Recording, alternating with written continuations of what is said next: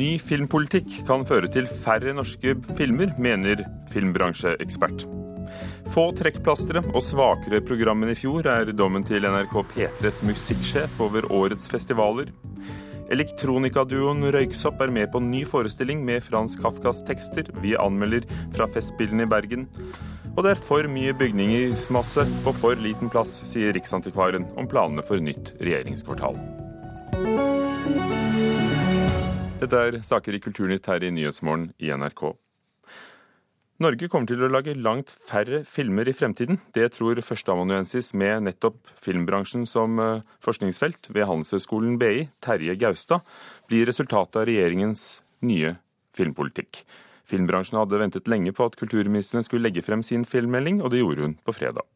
Gaustad mener kulturministeren ikke har noen plan for hvordan filmbransjen skal klare, opp, for å, klare å gjøre opp for at DVD-salget er i ferd med å forsvinne. Det blir eh, mindre ressurser og mindre produksjon av nye filmer, fordi eh, markedsinntektene er på vei ned. Det kommer an på hvor mye penger de legger i kulturbudsjettet. Vi har en skatt å finne. Kaptein Sabeltanns jakt på gull ble sett av over 360 000 norske kinogjengere i fjor. Norsk film er i medvind, men skal den gode utviklinga fortsette, er det kulturminister Toril Vidvei som nå må ut på skattejakt. Hun bør bli budsjettvinner til høsten og øke kulturbudsjettet, tror førsteamanuensis Terje Gaustad ved BI, Center for Creative Industries. Årsaken er det han kaller filmbransjens største utfordring for tida, nemlig nedgang i DVD-salget og lave inntekter fra strømming og digitalsalg. I filmmeldingen så anerkjenner kulturministeren problemet og, og omtaler det. Eh, men det kommer eh, veldig få om noen eh, konkrete grep. Og det er jo litt skuffende. Endelig kjenner vi sjøveien til Lama. Rama. Manglende politisk kurs i filmmeldinga kan føre til nedgang i norsk filmproduksjon, frykter Terje Gaustad. Men kursen er satt, ifølge statssekretær i Kulturdepartementet Bjørgulv Vinje Borgundvåg, som mener filmmeldinga inneholder flere grep som skal sikre filmbransjen inntekter i framtida. Jeg mener at eh, filmmeldingen svarer på de overordnede målene og de viktige utfordringene vi står overfor. Det er mindre detaljstyring i denne meldingen, men det er klare føringer på hva vi mener er viktig. Ja, det de snakker om er at det skal bli enklere, mindre byråkrati, og dette er jeg helt enig i. Han har produsert filmer som 'Burning', 'Max Manus' og 'Veiviseren', bransjeveteran Jon Jacobsen.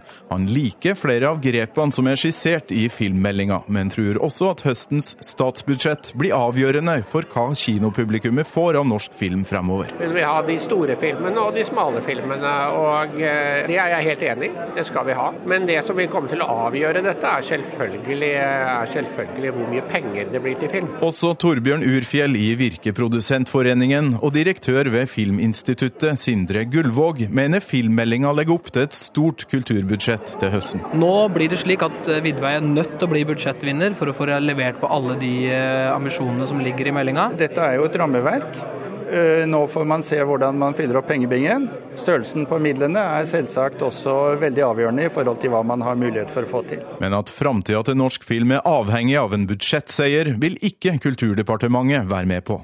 Forrige regjering hadde et kvantitativt mål på antall filmer som ble overoppfylt i stor grad i fjor. Vi mener det er viktig at det produseres filmer av god kvalitet, både kunstnerisk ambisiøs film og markedsfilm, men det bør ikke produseres mer film enn det markedet kan absorbere. Sa statssekretær Bjørgulf Vinje Borgundvåg til vår reporter Torkil Thorsvik.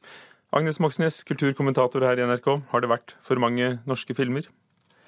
Eh, Ja, eh, det har nok til tider vært for mange at den ene filmen har slått den andre i hjel.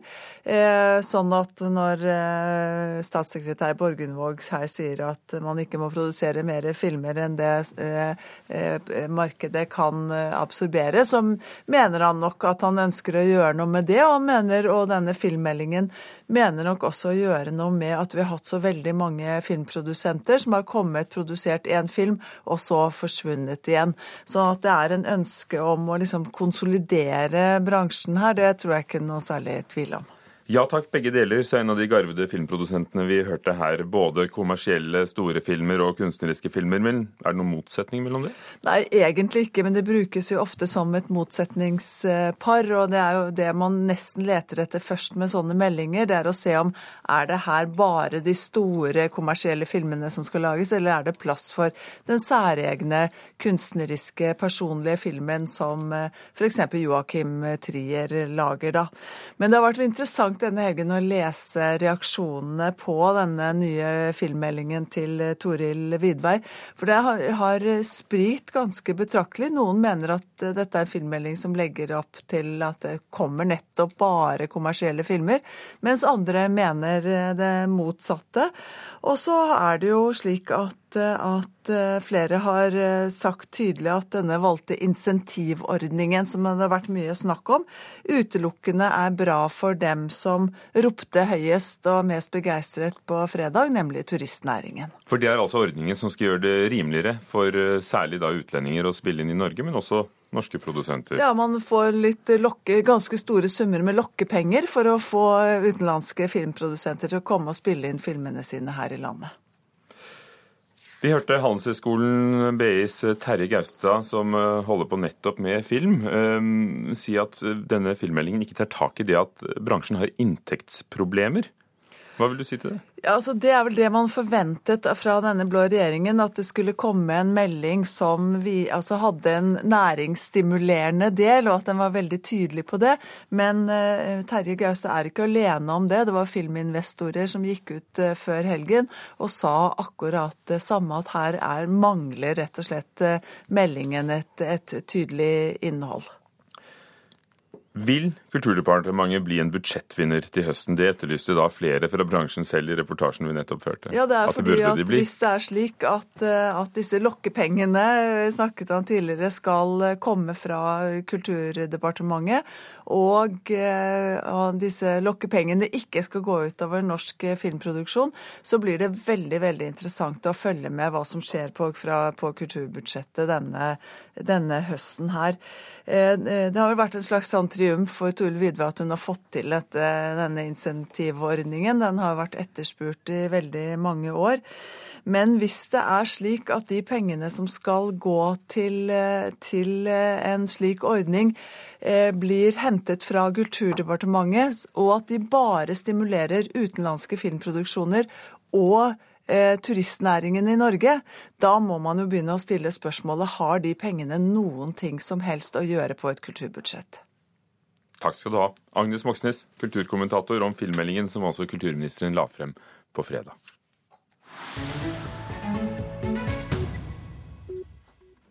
Knut Alfsen ble i går kveld valgt til ny leder i Norsk Skuespillerforbund. Han har vært nestleder i forbundet siden 2011 og overtar ledervervet for Hauk Heyerdahl.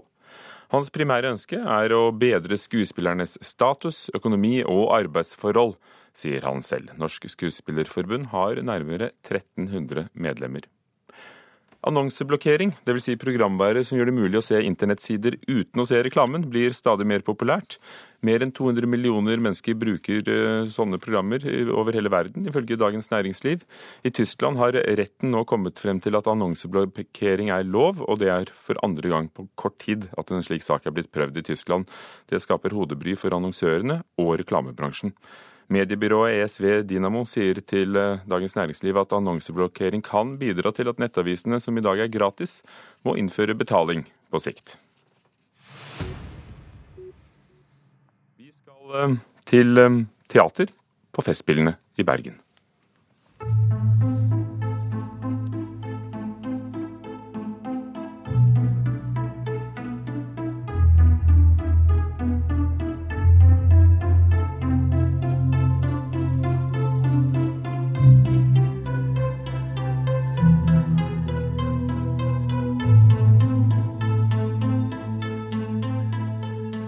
Dette er elektronikaduoen Røyksopp, som debuterte på teaterscenen på Den nasjonale scenen i Bergen i forestillingen Kafka featuring Røyksopp under Festspillene. Og Karen Frøsland Nystøl, vår teaterkritiker her i NRK, du var på denne urpremieren. Er Kafka og Røyksopp en god kombinasjon? Ja, det kommer an på hvordan man kombinerer Kafka og Røyksopp, selvfølgelig. Um, denne forestillinga her er basert på en tidligere forestilling som ble laga ved Nationaltheatret under Komedielaboratoriet, der Torbjørn Harr og Jan Gunnar Røise spilte ut Kafka-tekster, som de òg gjør nå. Det er nesten samme forestilling som settes opp igjen, men så har de fått med seg Røyksopp på scenen.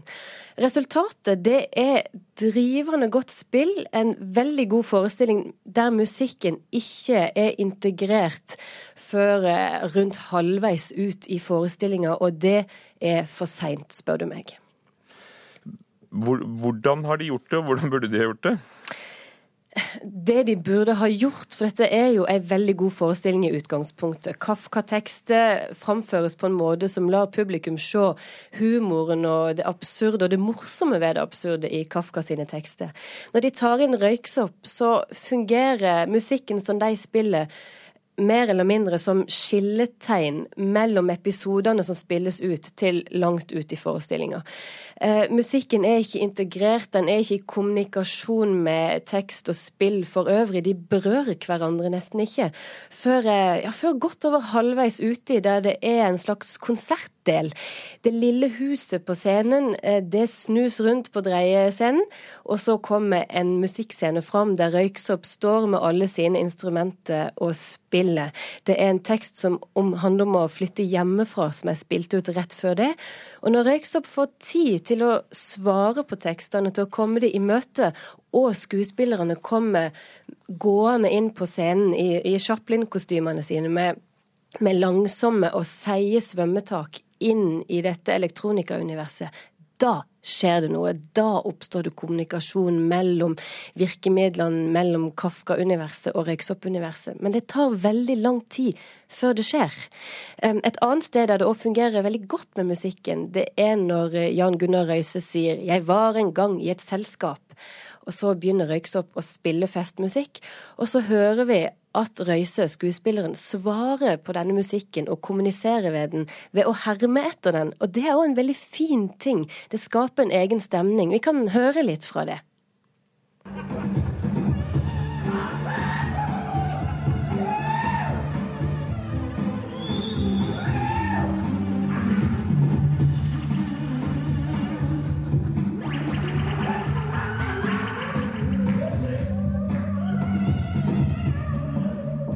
Så hvem, hvem er røyksopp, hvem er skuespilleren her? Eh, eh, skuespilleren er den som ler og hyler, holdt jeg på å si, litt i bakgrunnen. Og røyksopp hører vi jo hva, hva er for noe. Røyksopp og Kafka og to skuespillere, nemlig Torbjørn Harr og, og Jan Gunnar Røise. Noen ord. Hva handler det om? Det er jo ikke stykke Kafka har skrevet, de har plukket fra hans tekster? De har plukket fra hans tekster. Det, det, er Kafka sine tekster, ulike episoder fra kortere tekster han har skrevet, som spilles ut. Eh, I tillegg så hører vi mye fra Kafka sine dagboksnotater, og vi ser bilder av familien hans som senkes ned fra, fra oven, så å si. Og hans beskrivelse av familiemedlemmene, de er hylende morsomme. Måten han beskriver foreldre og søstre på, det sitter vi og ler av, og så kjenner vi oss litt igjen i, i følelser det går an å ha overfor familiemedlemmer. Så det er en presentasjon av Kafka, en presentasjon av han og tekstene hans, som veldig morsomme. Og det er så godt spilt ut og så morsomt at det er en veldig fin kveld i teatret. Godt skuespill. Eh, musikken kunne fulgt bedre med, men, men hva vil du si om forestillingen og resultatet til slutt? Kafka featuring Røyksopp? Det er godt teater som definitivt kunne vært bedre hvis de hadde tatt seg tid til å integrere musikken ordentlig og latt det oppstå sånne undringsrom som vi får med disse svømmetakene der, der de kommer svømmende inn på scenen. Men det er kjempegodt spilt, og Harr og Røise er gode komedianter. Det vet vi fra før. Timinga sitter, og det er veldig, veldig gøy. Men som et lite apropos, da, så, så, kan jeg jo si at Harald Eia, som er en av mennene bak denne forestillinga, som har vært med og satt sammen tekstene, han tok med seg dette Kafka-røyksopp-konseptet til New York i 2012 og tenkte at her skulle han få satt det opp. Og han sa til Aftenposten at han, eh, hvis ikke dette ble spilt i New York off-Broadway innen to år, så skulle han sitte i gapestokk. Og jeg registrerer bare at vi, vi skriver 2015 og verdenspremiere og Festspill i Bergen, så vi, vi, vi får se. Takk skal du ha, Karin Frøsland Nystøyl, eh, som, som så på Røyksopp featuring eh, Kafka. Dette spilles da også på Nationaltheatret i Oslo til høsten. Og så er jo egentlig tittelen det motsatte, nemlig Kafka featuring Røyksopp. 18 over 8 er eh, klokken du på Nyhetsmorgen i NRK. Overskriften i dag. Norske nazister ville sende tatere til tyske konsentrasjonsleire.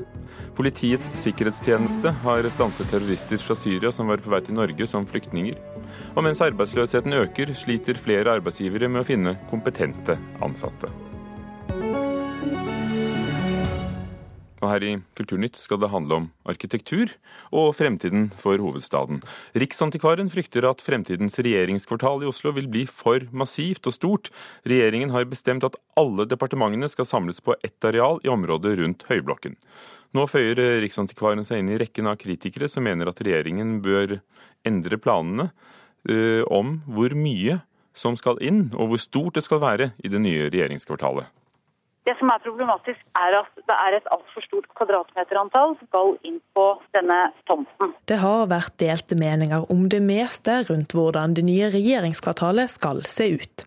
Og nå mener også Riksantikvaren at forslagene og mandatet til hvordan et nytt kvartal skal se ut, er for dårlig. Det mandatet som disse gruppene har fått, er jo noe de har måttet forholde seg til. Så, så det er klart at det er en utfordring for dem når de får en, en oppgave som, som ikke lar seg løse løse på en god måte. Sier Hanna Geiran, avdelingsdirektør hos Riksantikvaren. Hun frykter at bygningsmassen blir for stor på området som er satt av til et nytt regjeringskvartal, og hun er ikke alene. Omfanget av planene er for stort. Det sa Ellen De Vibe, direktør i plan- og bygningsetaten i Oslo kommune, på fredag. Man må se om man kan greie seg med mindre bygningsmasse. Vi eh, tenker at eh, fordi det er et så viktig anlegg som det er, så bør man se på å skaffe seg en større tomt. Og man bør se på om noen av funksjonene kan forbli i R5 og eh, i Vika. Også da de seks forslagene for hvordan det nye regjeringskvartalet skal se ut ble lagt frem i april, var det mange som umiddelbart fryktet at området ville bli for massivt. Dette sa byantikvar i Oslo Janne Willberg den gang. Dette er eh, arkitektonisk overdose. En premiss er at man skal samlokalisere de fleste av departementene. Eh, men det er en ganske høy pris å betale for å gjøre det.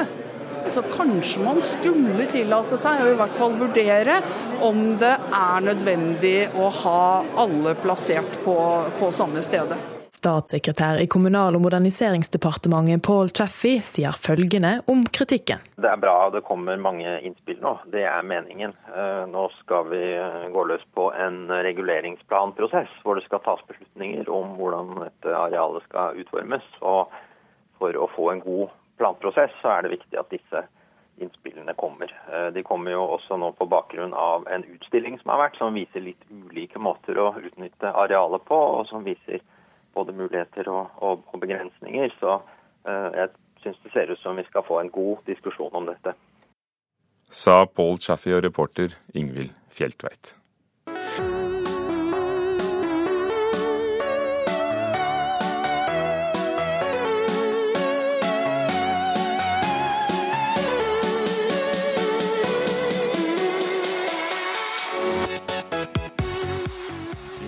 Sparket den svenske super-DJ-en Avicii og hans kolleger eh, på den elektroniske dansemusikkscenen i gang den norske festivalsommeren med Findings på Bislett Stadion i Oslo. Musikksjef i NRK P3, Mats Borch Bugge. Festivalsommeren er i gang. Du var på Findings-festivalen på lørdag, og hvordan var det? Det var uh, isolert sett hyggelig, det. Det var jo påfallende mm, færre mennesker der i år enn i fjor. Uh, en tredel ca. Det er jo et stort område som rommer opptil 20 000. og det var vel drøyt 6000 som var der på det meste i, i, år. Så det er jo en tydelig endring. Det kan jo selvfølgelig handle om været, men også om tidspunktet det er lagt på. De har flytta det fra mm, august til slutten av mai, som betyr to ting det er at veldig mange er i eksamensperiode, og at svært mange ennå ikke har jobba seg opp penger gjennom ulike sommerjobber.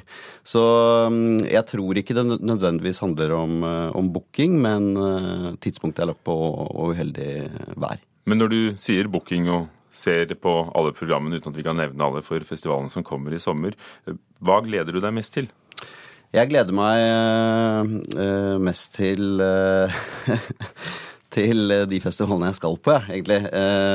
Jeg syns jo festivalsommeren som sådan i Norge er preget av ganske kjedelige bookinger. Det er veldig mange gjengangere på de ulike festivalene. Og det er jo i Norge ekstremt mange festivaler. Eh, et litt sånn artig eksempel i år er at eh, en festival som kaller seg Oslo Live, gjenoppstår. Eh, og har per i dag e- ett navn på plakaten, bare. Det viser at ulike festivalarrangører er veldig opptatt av å beholde en merkevare. Det er jo festivaler som eksempelvis Øya, som kan selge ut uten å ha programmet komplett. Eh, og det viser at det er en veldig sterk merkevare med høy troverdighet. Når du spør meg om hva jeg gleder meg til, så tenker jeg at eh, de mest spennende bookingene er det vel eh, Roskilde som står for, med navn som f.eks. Disclosure på plakaten, som ikke er å finne så mange andre steder. Så er det Skral festival i Grimstad, som har Hosier som jeg vet svært mange vil dra og se, og som spiller den ene konserten da i Norge i sommer. Hvem er de? Det er en skotsk fyr som har hatt en låt som har ligget svært mange uker på listene, med 'Take Me To Church'. Kan det være en åpning da, for mindre kjente band og musikere å komme inn når eh, de store navnene ikke overskygger dem, og kanskje gjør at festivalen blir vel så spennende musikalsk? Det er det definitivt. Um, altså, det, det, blir jo ofte mer spennende når man får uh, ofte nye navn og uh, mindre kjente navn. Navn man kanskje ikke har sett på en scene tidligere. Isteden da for større dragere som f.eks. Foo Fighters, som ikke spiller på festival i Norge, men gjør en sånn Eh, enkeltstående konsert. Så eh, festivalene som sådan eh, har mange mm, fine navn på plakaten, men det er som sagt veldig mange gjengangere, og det speiles vel at det er svært mange festivaler i Norge. Jeg tror vel egentlig at metningspunktet er nådd, så får vi se hvilke som Er det det som er grunnen? Ja, jeg tenker at eh, økonomi er nok hovedgrunnen. At det er eh, etter hvert eh, veldig veldig dyrt å få de største navnene, som f.eks. Kanye West, Jay-Z, Beyoncé eller nevnte Foo Fighters, til scenen. Og da ender man opp med de navnene som står i annen rekke, og det er ofte da mindre kjente navn og band som velger å spille svært mange festivaler nettopp for å etablere seg som et større navn og nå enda flere ingen HV-festival i år. Hvor skal uh, ungdommen som pleide å dra dit, uh, finne veien?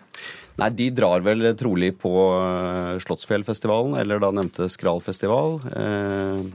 Parken i Bodø er en yndet festival. Det er veldig mye å velge i.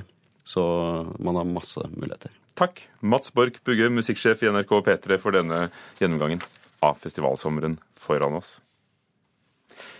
I Frankrike har ettervirkningene av angrepet mot satirebladet Charlie Hebdo nådd en skoleavis. En 17 år gammel redaktør har fått en rekke drapstrusler etter å ha viet et nummer til ytringsfrihet og den terrorrammede avisen. J'ai reçu en tout euh, sept menaces de mort. J'ai eu des troubles de, bah, du sommeil, de l'alimentation. Aujourd'hui, une inquiétude et surtout un, un ras-le-bol. Ça fait quand même 4 mois que ça dure, ça devient très pesant. Jag har fått totalt sju mordhot. Jeg har svårt for å sova och har ingen aptit. Alt kjennes jobbigt. for hoten har holdt på i over fire måneder nå, sier 17-årige Louis til France Info. Det er han som er ansvarig for skoltidningen på Marcelin Berthelot-gymnasiet i førstaden Samar, utenfor Paris. Louis syntes det var viktig å slå et slag for yttrandefriheten og han lot i januar gjøre en tidning som handlade om Charlie Hebdo han skrev artiklar som beskrev vidrigheterna som skedde på tidningsredaktionen där flera anställda sköts ihjäl. Tidningen innehåller inget provocerande innehåll. Han aktade sig noga för att teckna en bild av Mohammed. På omslaget står en slogan som är känd i hela Frankrike. Jag är Charlie. Men skoltidningen har inte passat alla. 17-årige Louis har alltså blivit mordhotad sju gånger hittills. Han har fått bilder med hakors i sitt skåp i skolan. Han har fått brev hemskickade till sig med pistolkulor i. Han har fått direkta mordhot och till och med hans föräldrar har blivit hotade. Louis mår förstås dåligt. Han har varit borta i nästan två veckor från skolan. Givetvis är han rädd. Föräldrarna är också oroliga. Saken har polisanmälts, men polisundersökningarna har ikke nått några resultat. Man vet ikke hvem som ligger bakom hoten. På Reportrar utan grenser sier Christophe Deloire til radio at dette er sjokkerende, at en medarbetare på en tidning utsettes for lignende hot. De, de, précipitation au sens où, où euh, les choses sont devenues publiques ce matin parce que les, les, les enseignants, les élèves ont voulu réagir après, euh, après de, de nouvelles menaces. Louis och hans familj tycker att skolledningen inte gjort tillräckligt för att hantera den här svåra situationen. Louis har försökt kontakta den franska regeringen men ingen har svarat. Familjen menar att det här är en så pass allvarlig sak att regeringen måste ingripa på något vis. Men så har alltså inte varit fallet ännu. Hela skolan har stöttat killen och kräver nu att man intensifierar sökandet efter gärningsmännen. Och vissa lärare gick ut i en endagsstrejk häromdagen och det var samma dag som media började tala om händelserna. Många elever på Marcelin Berthelot-gymnasiet säger sig också må dåligt. Kompisen André säger att det känns fruktansvärt att bli utsatt för hot av det här slaget. Det honteux qu'on ne devrait pas menacer les gens comme ça. On a le droit de s'exprimer comme on veut dans, dans les. Vi har rett til å uttrykke oss som vi vil på skolene, sa eleven André, og reporter i Paris er Johan Tolgert. I kveld avgjøres det om danske Noma, den berømte restauranten, nok en gang blir kåret til verdens aller beste restaurant i britiske Restaurant Magazines kåring av de 50 beste restaurantene. Noma er altså blitt kåret til verdens beste restaurant fire ganger før. Spanske El Celler de Can Rocca og italienske Osteria Francescana regnes som Nomas hovedkonkurrenter. Og Oslo-restauranten Maemo har ligget på en 64.-plass på en liste over verdens beste restauranter. I kveld blir det altså ny liste. I Kulturnytt har vi hørt at flere i filmbransjen mener at resultatet av Toril Vidveis filmmelding kan bli færre norske filmer. Guri Heisberg Finnsveen var teknisk ansvarlig. Andrea Kvamme Hagen produsent. Ugo Fermariello programleder. Du hører på Nyhetsmorgen i NRK. Klokken er straks halv ni.